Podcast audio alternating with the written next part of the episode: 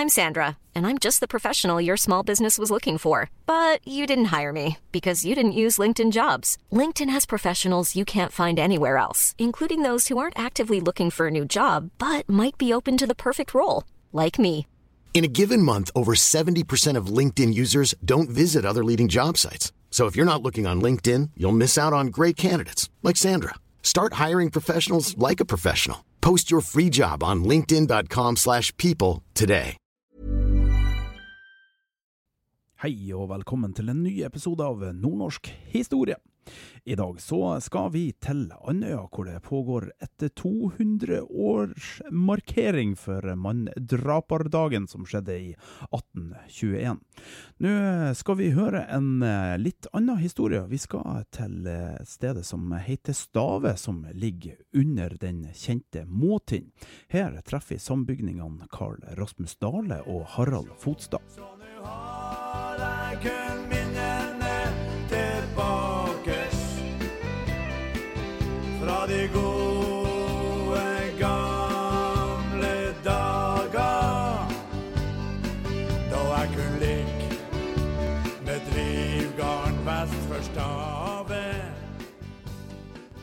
Utafor Stave bygdehus så ligger det en jernkjøl på hele seks tonn. Den ble utstilt på en sokkel av betong på 80-tallet en gang, og hva kan en sånn jernkjøl egentlig ha vært til? Og hvorfor var det så viktig at noen i bygda Stave ville stille den her ut? Stave er en av de eldste gårdene på Andøya. Arkeologiske funn viser at det kan ha bodd folk på dette stedet i steinalderen for en sånn 4500-5000 år tilbake. På eh, fjellene ved Stave så finner vi 3000 år gamle fangstgroper og sperregjerder som ble brukt for å fange rein, og de første skriftlige opplysningene om gården finnes allerede i Aslak Bolts jordbok fra 1432. I middelalderen så sto det et eh, korshus, altså ei lita kirke, på Stave. Kanskje det var en stavkirke, for alt vi vet. Den eh, offisielle bruken av denne kirka opphørte under reformasjonstida, og kirka ble senere revet. Det har aldri vært fiskemottak på Stave, men stedet var likevel et viktig fiskevær. Stave mangla imidlertid ei god havn, og det ble et problem da båtene gikk over på eh, motordrift på begynnelsen av 1900-tallet, og et skikkelig kaianlegg ble aldri bygd før tidlig på 1960-tallet. Men eh, tilbake til denne kjølen. Hvorfor ville noen ta en kjøl og sette den der?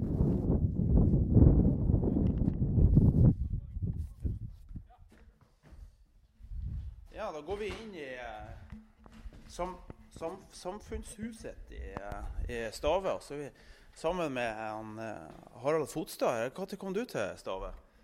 Jeg kom hit i 1980. Ok. Ja. Ja. Og, da, og da så du den her kjølen liggende i ja, det var ikke sånn med en gang, men jeg hørte jo snakk om den kjølen. Da, så at det lå en, lå en svær kjøl ute i, i skjærgården her, sånn, eller tett, med, tett med stranda. Da. Ja. Eh, et par kilometer herfra hvor vi står nå.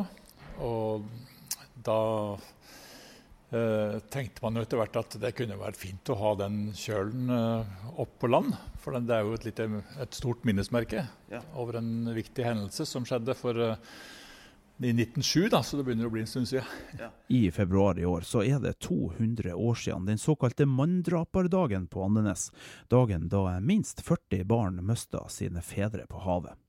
Vi vet nå at hendelsen skyldtes et såkalt polart lavtrykk. De polare lavtrykkene de er og var livsfarlige for våre sjøfolk, men kanskje så visste man ikke da hva et polart, lav, polart lavtrykk var. Hendelsen eh, i 1821 var ikke enestående. Moderniseringa i fiskeriene på begynnelsen av 1800-tallet forhøya arbeidspresset og inntjeningspresset til både fisker, til båtene og til kjøpmenn. Begynnelsen av 1800-tallet var også prega av krig med følgende handelsblokader som ga sult til folket i nord og vanskelige uår. Og så eh, var det faktisk i mange år dårlig fiske i havet utenfor Vesterålen. Og så er det jo det her med identitet. Mens den unge nasjonen Norge leter etter sin eh, identitet i daler og fjellene i Østerdalen og Gudbrandsdalen, det som etter hvert da ble kalt for bonderomantikk, så var det i stor grad fiskeren som var vår identitet. Det å være fisker, det hadde en stolthet med seg, og en sånn stolthet kan nok skape en forventning om å kunne ro hardt. Som Steinar Bastesen sier i et intervju, som om det var den mest naturlige ting i verden. Jeg begynte å ro da jeg var åtte, med faren min som høvedsmann. Noen ganger så er historiene så voldsomme at det er vanskelig å forstå dimensjonene av katastrofene som det nordnorske samfunnet ble utsatt for under vinterfisket. Her er et innlegg fra en reiseskildring skrevet av Hans Schulz. Det går intet år hen uten at havet fordrer sine ofrer under vinterfisket men et par bådes mannskap anses kun som en ringe tribut til bølgene. Enkelte år inntreffer derimot større ulykker, som i lang tid bevarer seg i fiskernes erindring. I 1848, den 11. februar, så vidt jeg minnes, inntraff en sådan ulykkesdag, og selv de djerveste fiskerne blegnet når de omtalte denne dag. Hvor mange folk der gikk under, er ikke godt at vite, da værene sto i ilden forlidendes med hverandre, men man dømte så at en fem hundrede mann omkom. Det blir i seinere tid spekulert i om at disse historiene er sprita opp, at tallene ikke stemmer, at historiene er blitt fortalt feil. Men det er bevist høye dødstall i berørte bygder, også i denne historien og på Andes 1821. Begge to var i februar. Forlisene øker i omfang utover 1800-tallet, og det er først når losskøytene, som eh, var de første redningsskipene, ble mer sjødyktige. Da eh, først og fremst med tette dekk at vi ser en nedgang i antall drukningsulykker. Men det er egentlig først når Redningsselskapet kommer for full fart inn at eh, ulykkene gjør en alvorlig dropp. Tilbake til Stave. Vi står og ser på et bilde som henger på veggen, sammen med han Carl Rasmus. Det, var, det, skulle være, det skulle være malt eh, ja, ca. en måned etterpå. Når været hadde stilla, det ble bra vær. Vi står her i lag med Carl Rasmus og beundrer et maleri som visstnok skal være malt av en fra eh, Nordmølla. Hva er det vi ser på det bildet? her? Ja, det skal være redningsskøyta Belgen som nå er stranda på noen skjær like, like sør for dagens campingplass, ca. to km sør for mellom Stave og Kinnvollen. Ganske mer nøyaktig nesten der ved Stave elv bru utover. Du, hvordan, eh, hva, hva, man kan si om Stave 1906, når denne hendelsen skjedde? Hva, var, hva fantes her på Stave?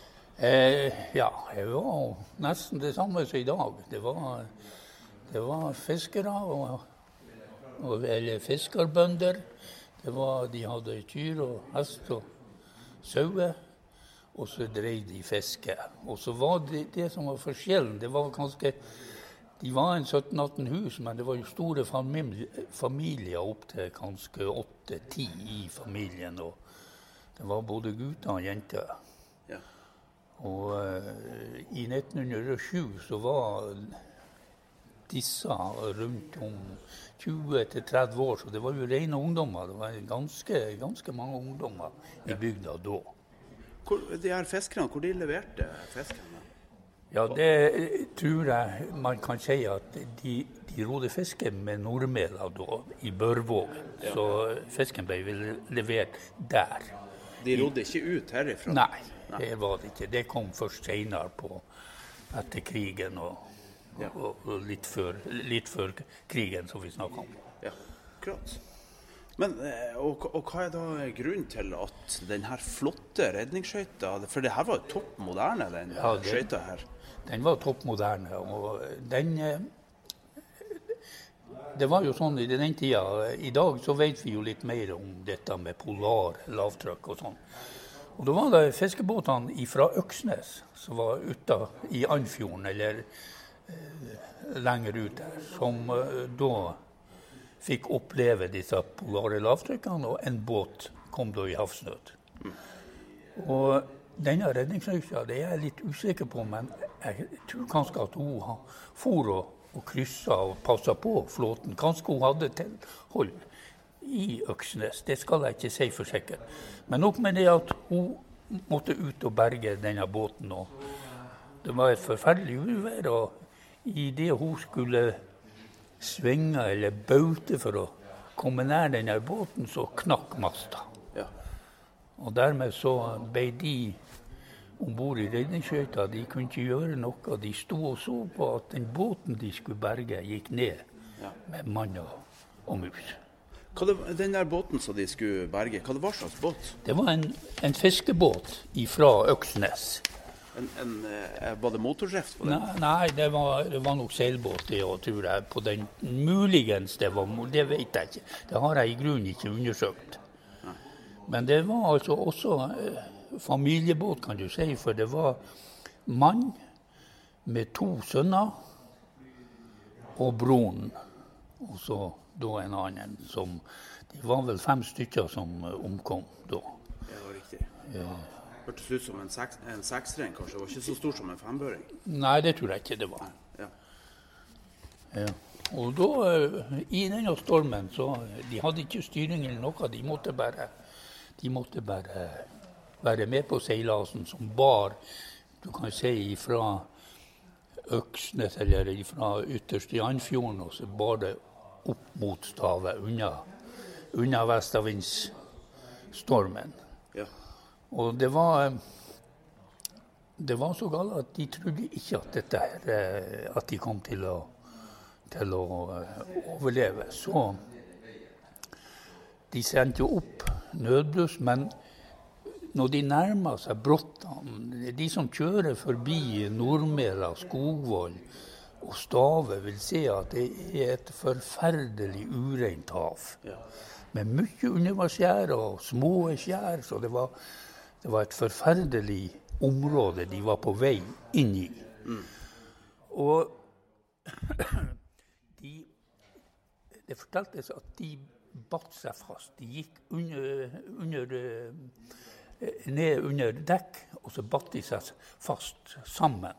For at hvis de skulle nå det verste skulle skje, så skulle, var de sikre på at da ble de funnet alle sammen. Tror du de kunne svømme? Vanskelig å si. Og jeg, jeg tror nok noen kunne svømme, men ikke alle. Det er jeg nokså overbevist om. Men en del av de ungdommene som eh, Jeg er jo såpass gammel. Jeg, jeg kjente jo de, en del av de når de var gamle folk, og det var hardbarka folk. Ja.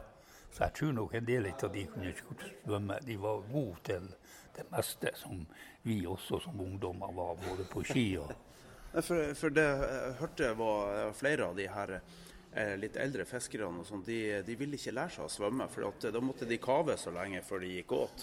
For de visste at det kanskje Ja. en dag havna de Ja, det er, noe, det er nok noe. Men eh, disse her, det var Jeg vil kalle det for hardbarka sportsfolk. Okay.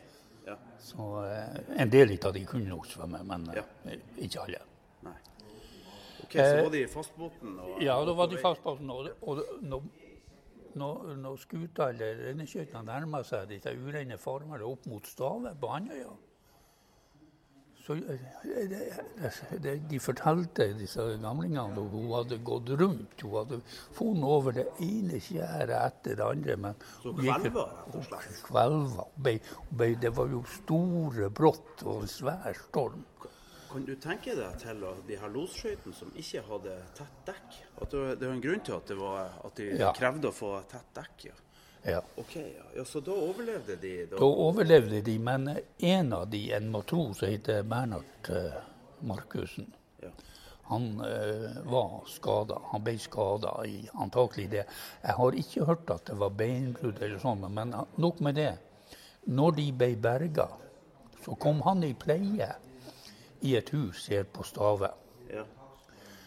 Og det må, ha vært ei særdeles god pleie han fikk, for et halvt år etterpå så ble han gift med dattera i huset.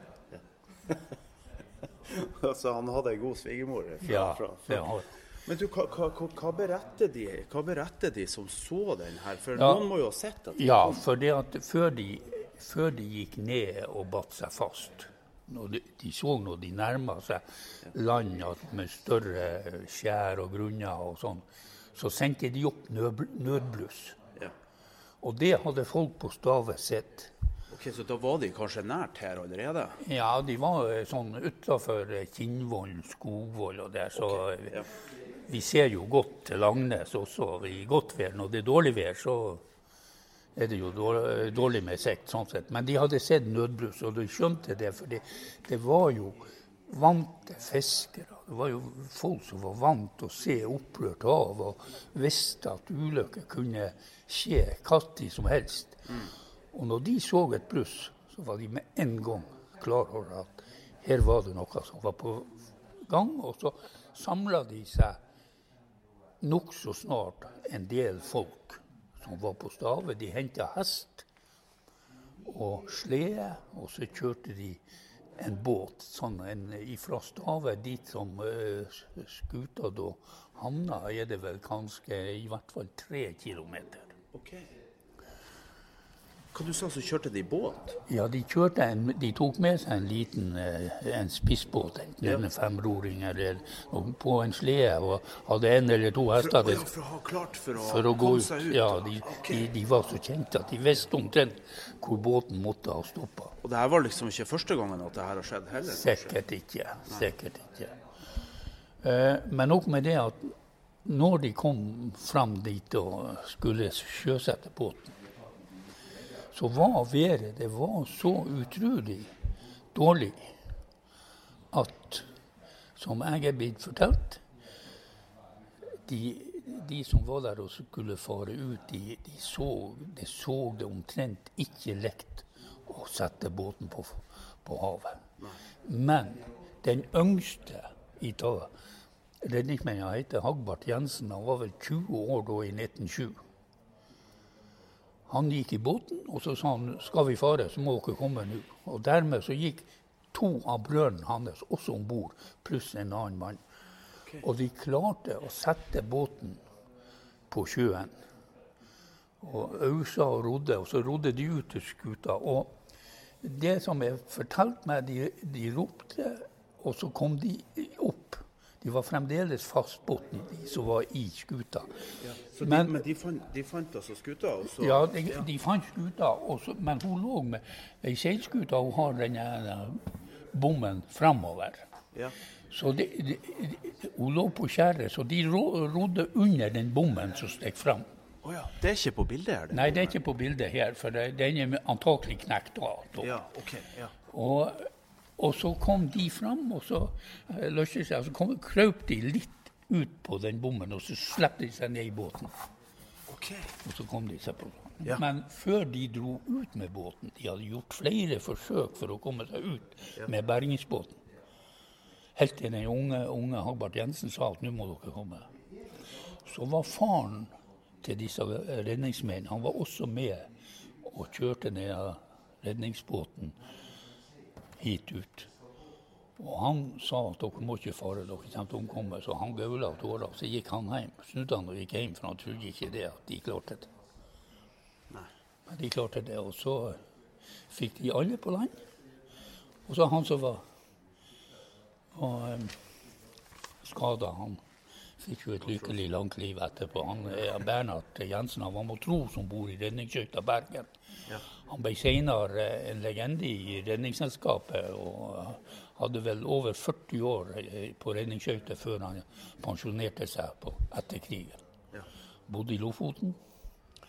Og eh, det som ellers er å si, det er at disse redningsfolket her, de fikk da kong, kongens sølv altså, De fiskerne som- Ja, de, de som var redda i sølv. Å ja, ser du det? Fikk kongens fortjenstmedalje, eller hva det heter. Ja. Edeldåd for edeldåd. For edel. kongens fortjenestens medalje? Fortjeneste Ja. ja. OK. Men du, hva, hva, hva, var, hvordan så folk liksom på Redningsselskapet og skøyter? For det var jo ganske nytt her på Ja, men eh, Jeg tror alle folk rundt om i kystnære strøk var medlem, var medlem av i redningsforening eller noe, også på, helt på Stave i min tid. I min tid var alle disse her damene som var generasjonen før meg, de hadde møte i redningsforeninga. Streker. Ja, streka. I hvert, fall, I hvert fall to ganger i måneden, tror jeg. Ja. Men det var jo det som var kan du si, tidsfordriv i den tida. Det var ikke TV. Og, Nei. nei. Men det var jo eh, Det er jo helt synlig liksom på, på uh, drukningsstatistikken at den går kraftig ned etter at man får uh, Ja. Redningsselskapet. Og, Ja. og litt mer uh, moderne båter, kanskje. Ja. Det er ikke uten tvil de har gjort en, en god jobb. Og nå, nå jeg kjente Jeg kjente jo de, En del av de var jo døde, men to, to av de som var redningsmenn, det, det opplevde jeg. Jeg kjenner var gamle, var staute folk. Det var, det var ordentlige folk. Og, Ja. ja, var de herifra? De? ja, de var herifra. Det var tre brødre. ja, de fiskerne, ja. Ja. Men enn de her som var om bord, kom de tilbake noen gang? Nei, ikke han, eh, så jeg vet det. De, de for bort med han, han Bernhard. Han tok kona med seg og flytta hjem til Lofoten. Og hadde utgangspunkt derifra Ja, i de 40 årene han var i Redningsselskapet. Ja. Enn den fiskebåten fra Øksnes, hvor den ble av? Han gikk ned. Med folk? Ja. De, de ble borte? ja de ble, borte. og det, det, det, hørte jeg de fortalte her, de som sto. De lå jo tett opp med han. Kunne ikke hjelpe han. De har- de kunne ikke styre i over. Det var forferdelig vær. Og De så han gikk ned, og folket gikk ned med båten. Tegner det på at det her lavtrykket kom veldig plutselig? Ja, ja, i dag så er jeg helt overbevist om at de vil kalle det for et polart lavtrykk Ja. som kom. For det var De fortalte det var helt fint vær, og plutselig så Tror du, det, tror du det var ingen tegn, liksom, sånn, for at de gamle fiskerne og sånn, de hadde jo alltid tegn på de visste de så nå, men de hadde vel kanskje ikke trodd at det ble så galt. Det, det. Jeg vet jo det fra det gamle, det, før de fikk motor og fisk. De, de var jo fantastiske seilere, disse her, eh, både båtene og folket. Og de, de, de, de hadde jo ballast om bord. Før de gikk, så la de stein i passelige runde steiner for å balansere at båten for å han skulle oppføre seg ordentlig i båten. Og når de fiska, og de fikk for mye fisk, så heiv de ut stein for å kompensere. Og dette her, det var så innarbeidet i folket. De var eksperter både på, på ballast og seilføring og sånn. Det, det, det er helt utrolig nå. Man går inn og ser på hvordan de, de drev det. Ja. Utafor Bleita det er jo svære jeg var, jeg, var, jeg var jo med og dro garn, og vi fikk disse runde, ovale steinene. Jeg lurte det var helt spesielle. Nei, Gamlingene de sa nei, det er ballaststein. Ja. Kallene hadde i båtene når de gikk ut. Og, så seila ut, og når de dro og de fikk mye fisk, så var de nødt til å kvitte seg med ikke med fisken, men med, med ballasten. For å stabilisere båten. Og så var det viktig at han eh, var rund i tilfelle at du kvelva, Ja. for da skulle han eh, trille ut. Ja. Og så ville båten fortsette å flyte. da. ja. Men eh, det, det var jo det som var litt spesielt med denne båten. Det var jo at han har fått stålkjøl. Ja. Hvor tung var den? Ja, om det er stål eller det er, det er malm. Det er malmkjøl. Ja. Så, eh, og den er de har, det er noen som har regna på det. Altså, jeg, jeg husker ikke egenvekta på malmen, men den var nå satt til noe.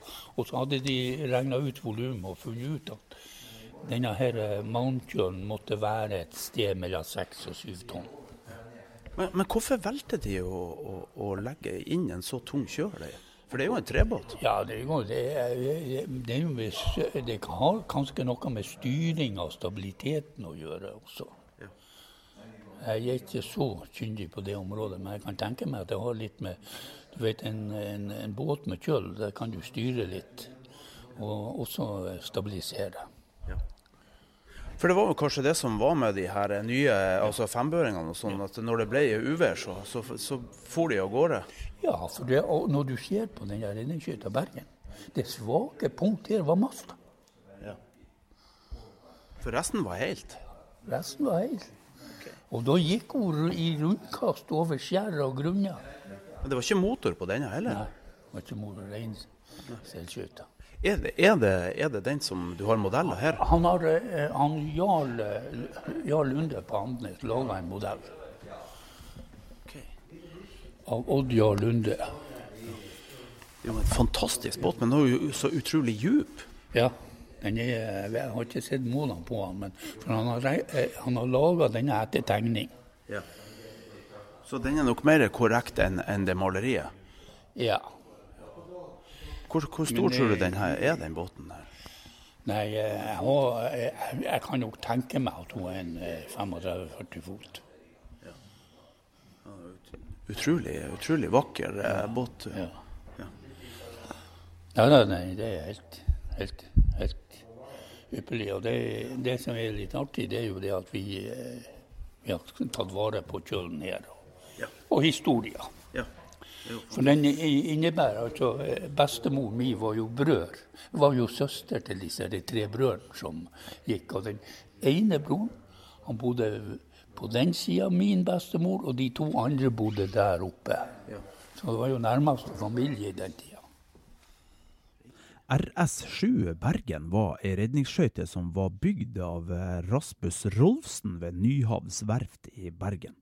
Hun ble sjøsatt i juli 1895, og eh, hun ble altså nummer sju i skøyteregisteret til Redningsselskapet da RS Fridtjof ble strøken ut. RS Bergen var bygd med utgangspunkt i Colin Archer sine redningsskøytetegninger. Skipsbygger Oluf Joakim Hilmar gjorde en eh, del eh, er- endringer i konstruksjonen, og det er usikkert hvor stor del av konstruksjonen Hilmar gjorde, om det var nytenking eller modernisering av Colin Archers sitt arbeid. RS Bergen kosta i sin tid 9986 kroner og 26 øre. Hun ble finansiert av ti bergen, bergensere som ga 1000 kroner hver. Skøyta var for det meste stasjonert i Vesterålen og Lofoten. Det hører til med historien at redningsmennene ble hedra med den eh, medaljen som heter Medaljen for edel dåd for redningsbragda si, og de fikk også gaver fra Redningsselskapet. Vraket RS Bergen ble kjøpt av to fangstmenn som ville sette henne i stand. Men eh, før de fikk gjort noen ting, så eh, ble jo altså totalvraka da hun ble kasta på land i en ny storm. Så blir skøyta liggende der og forvitre. Treverket forsvinner, det blir sikkert brukt til ting eller flytt på havet. Og um, der henger Jeg tror det er ei sølvskei som henger i Stave samfunnshus. Men det som var spesielt med denne modellen, det var jo den tunge jernkjølen på seks tonn den forsvant ikke så lett, og ble liggende i skjærgården, akkurat der som den unge dyrlegen Harald Fotstad hadde sett. Og så etter hvert så får han jo en idé. Den burde jo selvfølgelig komme på land. I 86 så hadde vi nå fått eh, orga sånn at vi fikk en eh, jeg tror det var Klaus Carlsen med en gravemaskin som, som sa seg villig til å, å prøve å få den på land. da. Altså for, for den lå jo ute i, eh, akkurat i flomålet. Ja. Eh, og så, så gjorde han det.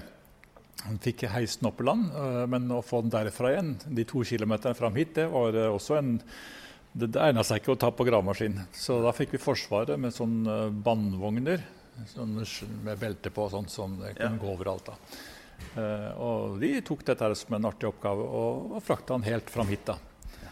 Eh, og her i mellomtiden da, så hadde vi her på Stave laget eh, fundamenter til eh, noen sånne betonggreier som den kunne stå på. da. Du kunne Ja. ikke sette den på bakken, for da vil den jo, den må jo være litt skikkelig.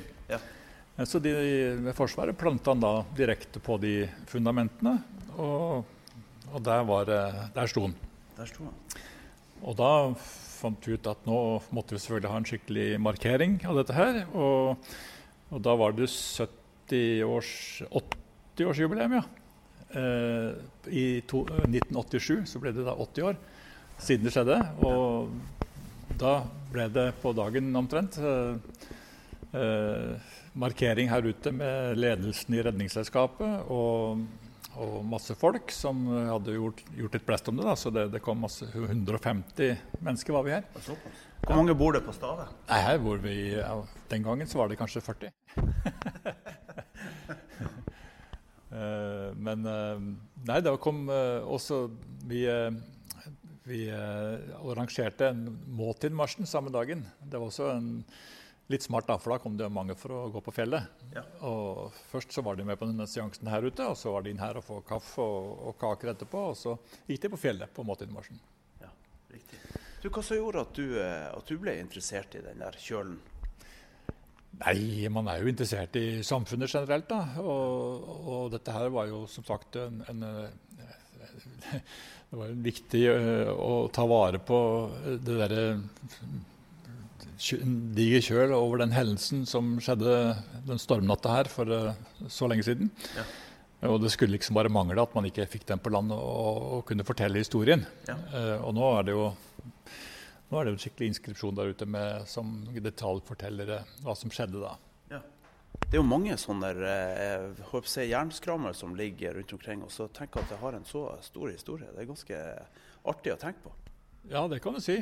Det er jo ikke akkurat noe jernskrammel, men, men eh, det er jo en svær sak. Den veier jo seks tonn.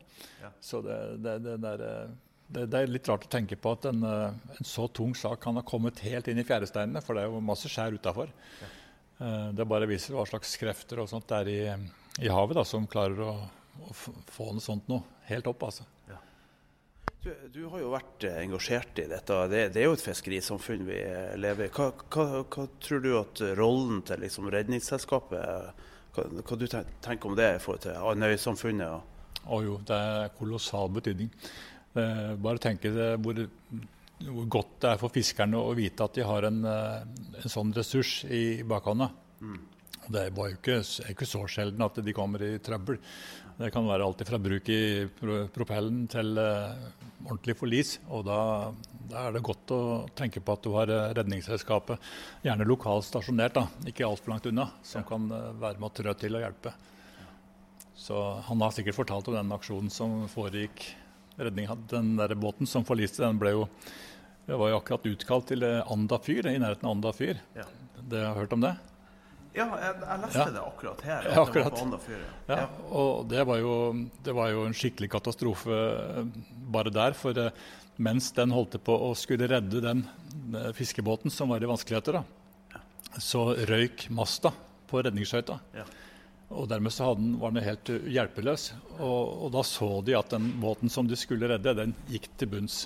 Ja. Og uten å kunne gjøre det minste. Ja. Eh, Og så for de da mot Andøya i stormen. da, Det må ha vært forferdelig for dem å, å, å vi- bevitne det. De ikke Ja, Helt forferdelig. For det var liksom det som var deres primæroppgave. ikke sant, Å redde andres liv. Ja. Og så så de at livene gikk tapt foran øynene på dem uten å kunne løfte en finger. Og sjøl så regna de med å miste livet også. Så det var skikkelig ille. Men men dem gikk det jo bedre, da. Hva du, eh, hva du sitter igjen med etter den uh, markeringa? Det begynner jo òg Ja, 87. Hva det, er eh, det, er jo tre, det er jo snart 25 år siden. Ja, det- åra går. Det er vel eh, 35, egentlig. Ja, det blir det. 35? Jeg husker det godt, ja. Det var, det var en flott vårdag eh, her ute. og Med taler og kaker og, og masse folk. Og det var en, en fin eh, markering av en viktig begivenhet. Ja. Er, det, er det lett å engasjere folk i, i sånne saker? Det er det. Eh, Til og med på Lille Stave, her, som vi er nå, med de 40 innbyggerne, så hadde de en egen redningsforening i alle år. Eh, Det er ganske spesielt. Ja. Eh, Jeg tror det også var på Skogvoll. Så det viser bare hvor viktig Redningsselskapet var i, langt med kysten og i sånne små samfunn.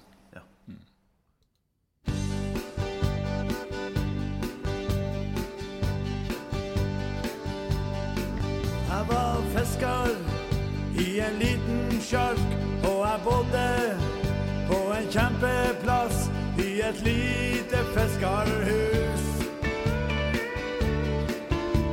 Jeg hørte havets brus og vestavindens sus. Jeg hadde fisken min på rasjon, sjarken min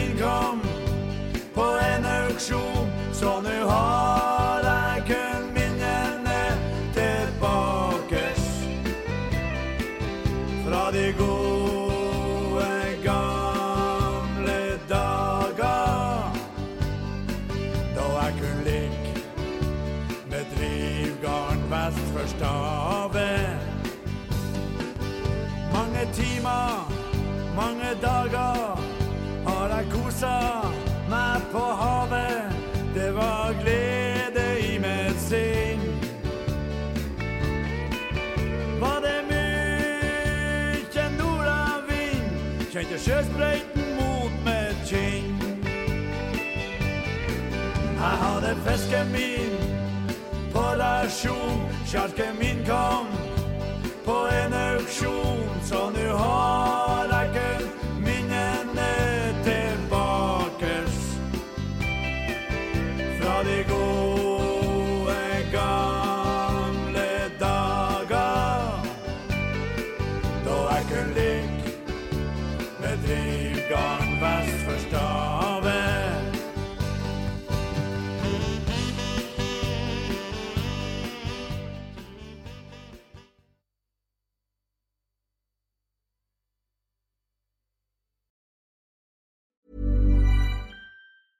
Planning for your next trip?